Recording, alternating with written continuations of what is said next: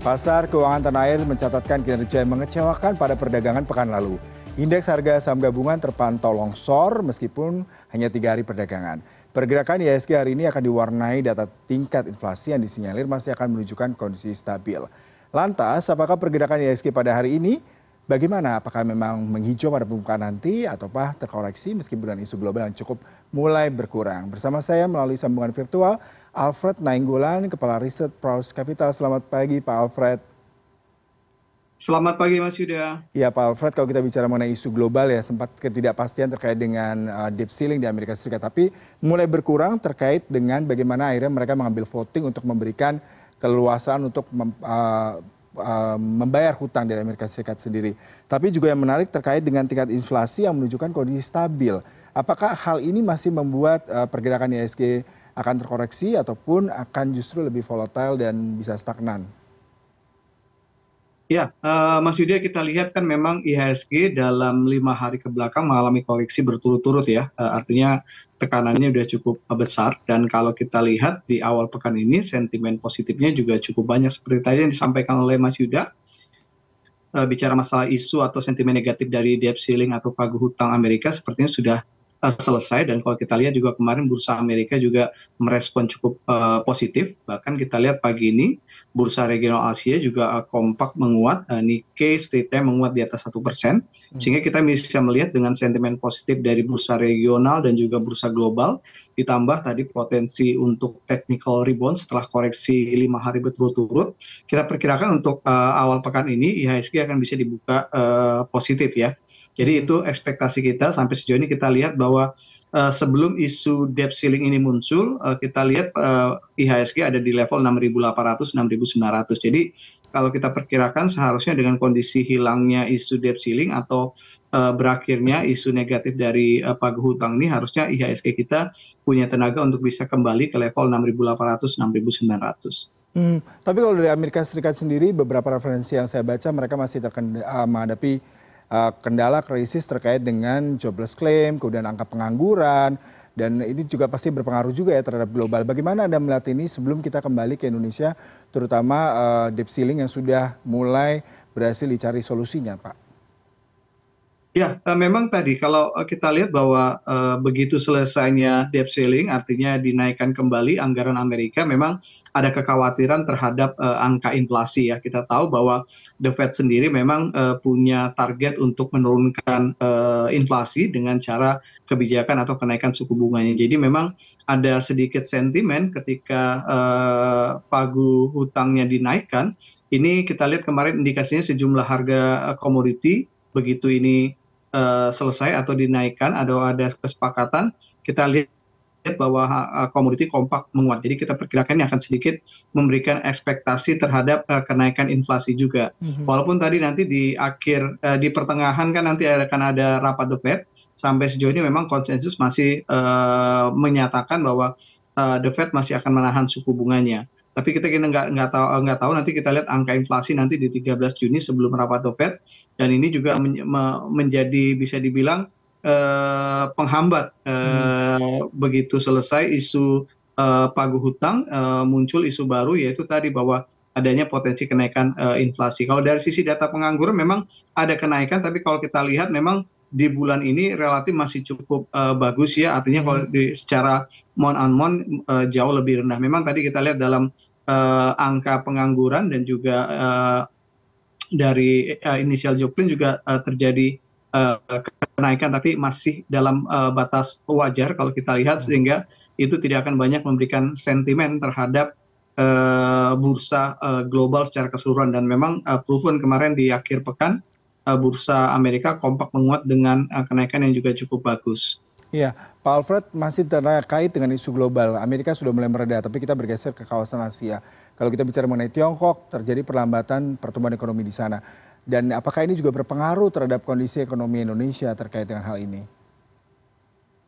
Ya, kalau memang perlambatan ekonomi tentu akan sangat berpengaruh ya, karena kita lihat porsi Tiongkok juga cukup besar. Eh, kita ambil data, misalnya misalnya di data uh, perdagangan kita. Tapi kalau kita lihat uh, sentimen dalam tahun ini sebenarnya negara-negara uh, Asia seperti India, Cina relatif punya pertumbuhan yang ditargetkan kan cukup tinggi tahun ini. Jadi meskipun tadi di bulan Mei ini masih belum mengindikasikan sesuai dengan ekspektasi tadi, tapi kita melihat bahwa outlook secara global atau pasar sendiri memang melihat bahwa uh, ekonomi Cina dan juga ekonomi uh, uh, India masih akan memberi menjadi sentimen positif bagi perekonomian kita. Jadi kalau kita lihat kemarin uh, India juga relatif cukup bagus ya untuk angka ekonominya. Jadi overall nanti kita akan lihat nanti pengumuman uh, inflasi di uh, Cina biasanya uh, kalau kita lihat ada indikasi kenaikan inflasi ini ada juga uh, indikasi bahwa memang uh, permin dari sisi permintaannya yang mengalami uh, penguatan. Jadi meskipun hmm. tadi memang ada sedikit uh, data yang kurang uh, baik, tapi kalau kita lihat secara full year, uh, angka ekonomi Cina masih relatif uh, punya menjadi sentimen positif bagi bursa kita atau bagi ekonomi kita. Hmm. Kalau dari data uh, dari NBS ataupun Biro Statistik Nasional di Tiongkok atau China pada minggu kemarin ya Pak ya, ini mengindikasikan perlambatan. Indeks pembelian oleh manajer PMI di sektor manufaktur di Tiongkok itu di bulan April hanya 49,2, sementara di Maret 51,6. Nah, efeknya pasti terkait dengan bagaimana uh, uh, kita manufaktur di China ataupun Tiongkok sedang melambat terhadap impor bahan baku di sana yang pastinya juga didapatkan dari Indonesia. Bagaimana Anda melihat hal ini, Pak? Ya, tadi kita kata kita uh, yang seperti saya sampaikan memang kalau dari sisi uh, relasi atau atau uh, pengaruh tentu akan uh, berpengaruh. Tapi kita memang melihat bahwa kondisi penurunan dari level 50 ke 49 kan ini masih berlangsung di bulan Mei ya. Nanti kita akan melihat nanti di Juni hmm. pasca tadi uh, isu pagu hutang sudah uh, selesai tentu ini juga akan menu apa uh, mendorong yeah. optimisme uh, bagi pelaku uh, ekonomi di China dan kita, sepertinya kita juga masih cukup optimis bahwa itu akan bisa kembali lagi di level uh, ekspansi yaitu di level uh, 50. Tapi kalau kita lihat dari pertanyaan tadi untuk di dari sisi pengaruhnya uh, kemungkinan uh, bukan kemungkinan akan banyak hmm. berpengaruh karena kita tahu bahwa tadi relasi kita juga cukup yeah. kuat untuk ekonominya dari uh, China. Tapi kita masih perkirakan ini masih bersifat uh, short term ya. Uh, kita hmm. masih optimis di Juni hmm. kemungkinan akan kembali lagi ke level 50 sehingga dampaknya uh, ke kita mungkin tidak akan berlangsung lama sehingga tidak akan banyak uh, mengganggu uh, proyeksi atau mengganggu target secara full year di tahun ini. Hmm. Pak Alfred, kita melihat uh, kondisi lain ya kalau kita bicara mengenai pergerakan ISG pada bukaan pagi ini, selain tadi isu dari Amerika Serikat, kemudian juga isu di Asia sendiri, perlambatan pertumbuhan ekonomi di Tiongkok sendiri yang menarik adalah kita bicara mengenai pelaku pasar juga akan memperhatikan keputusan Bank Sentral Eropa nih Pak terkait dengan kebijakan suku bunganya mengingat memang situasi inflasi Eropa saat ini memang sedang mengalami tren penurunan. Bagaimana Anda melihat hal ini Pak?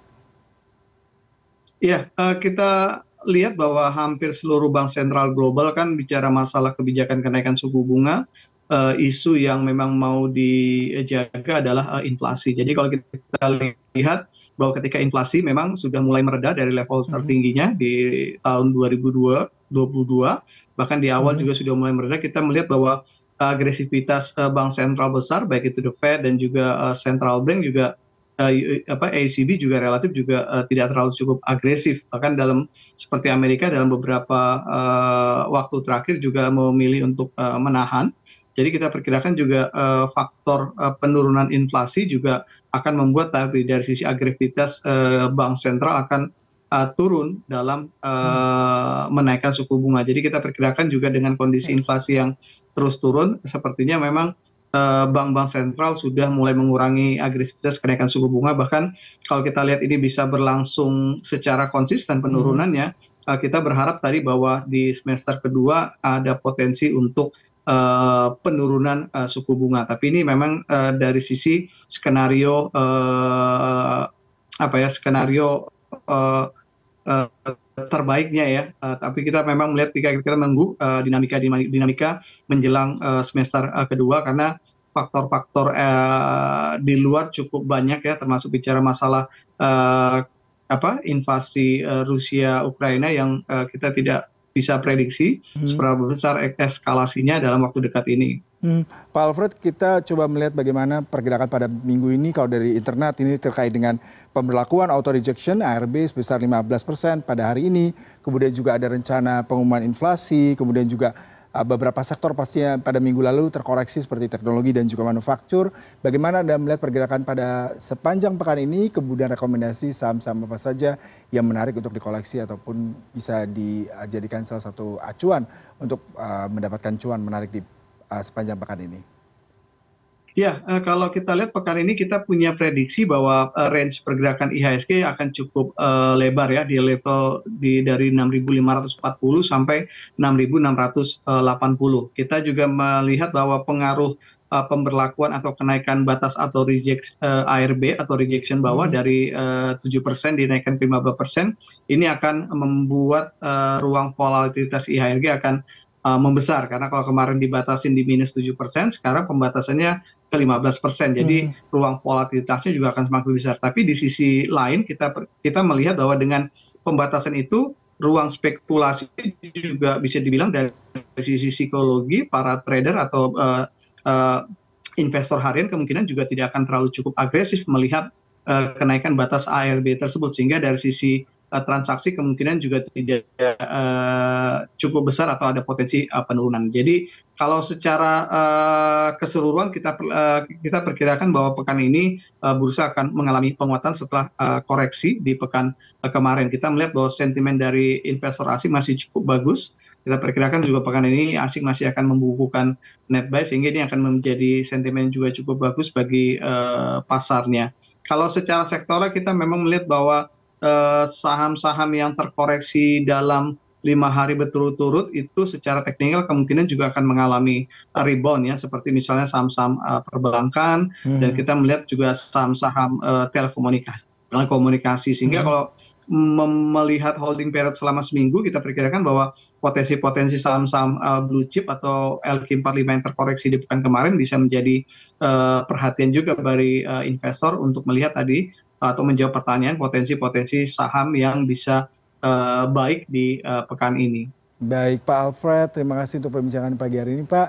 Semangat untuk memulai hari karena memang setelah libur panjang 4 hari mudah-mudahan pasar hari ini memberikan hal yang positif terhadap pergerakannya. Selamat bertugas kembali Pak. Oke, selamat pagi.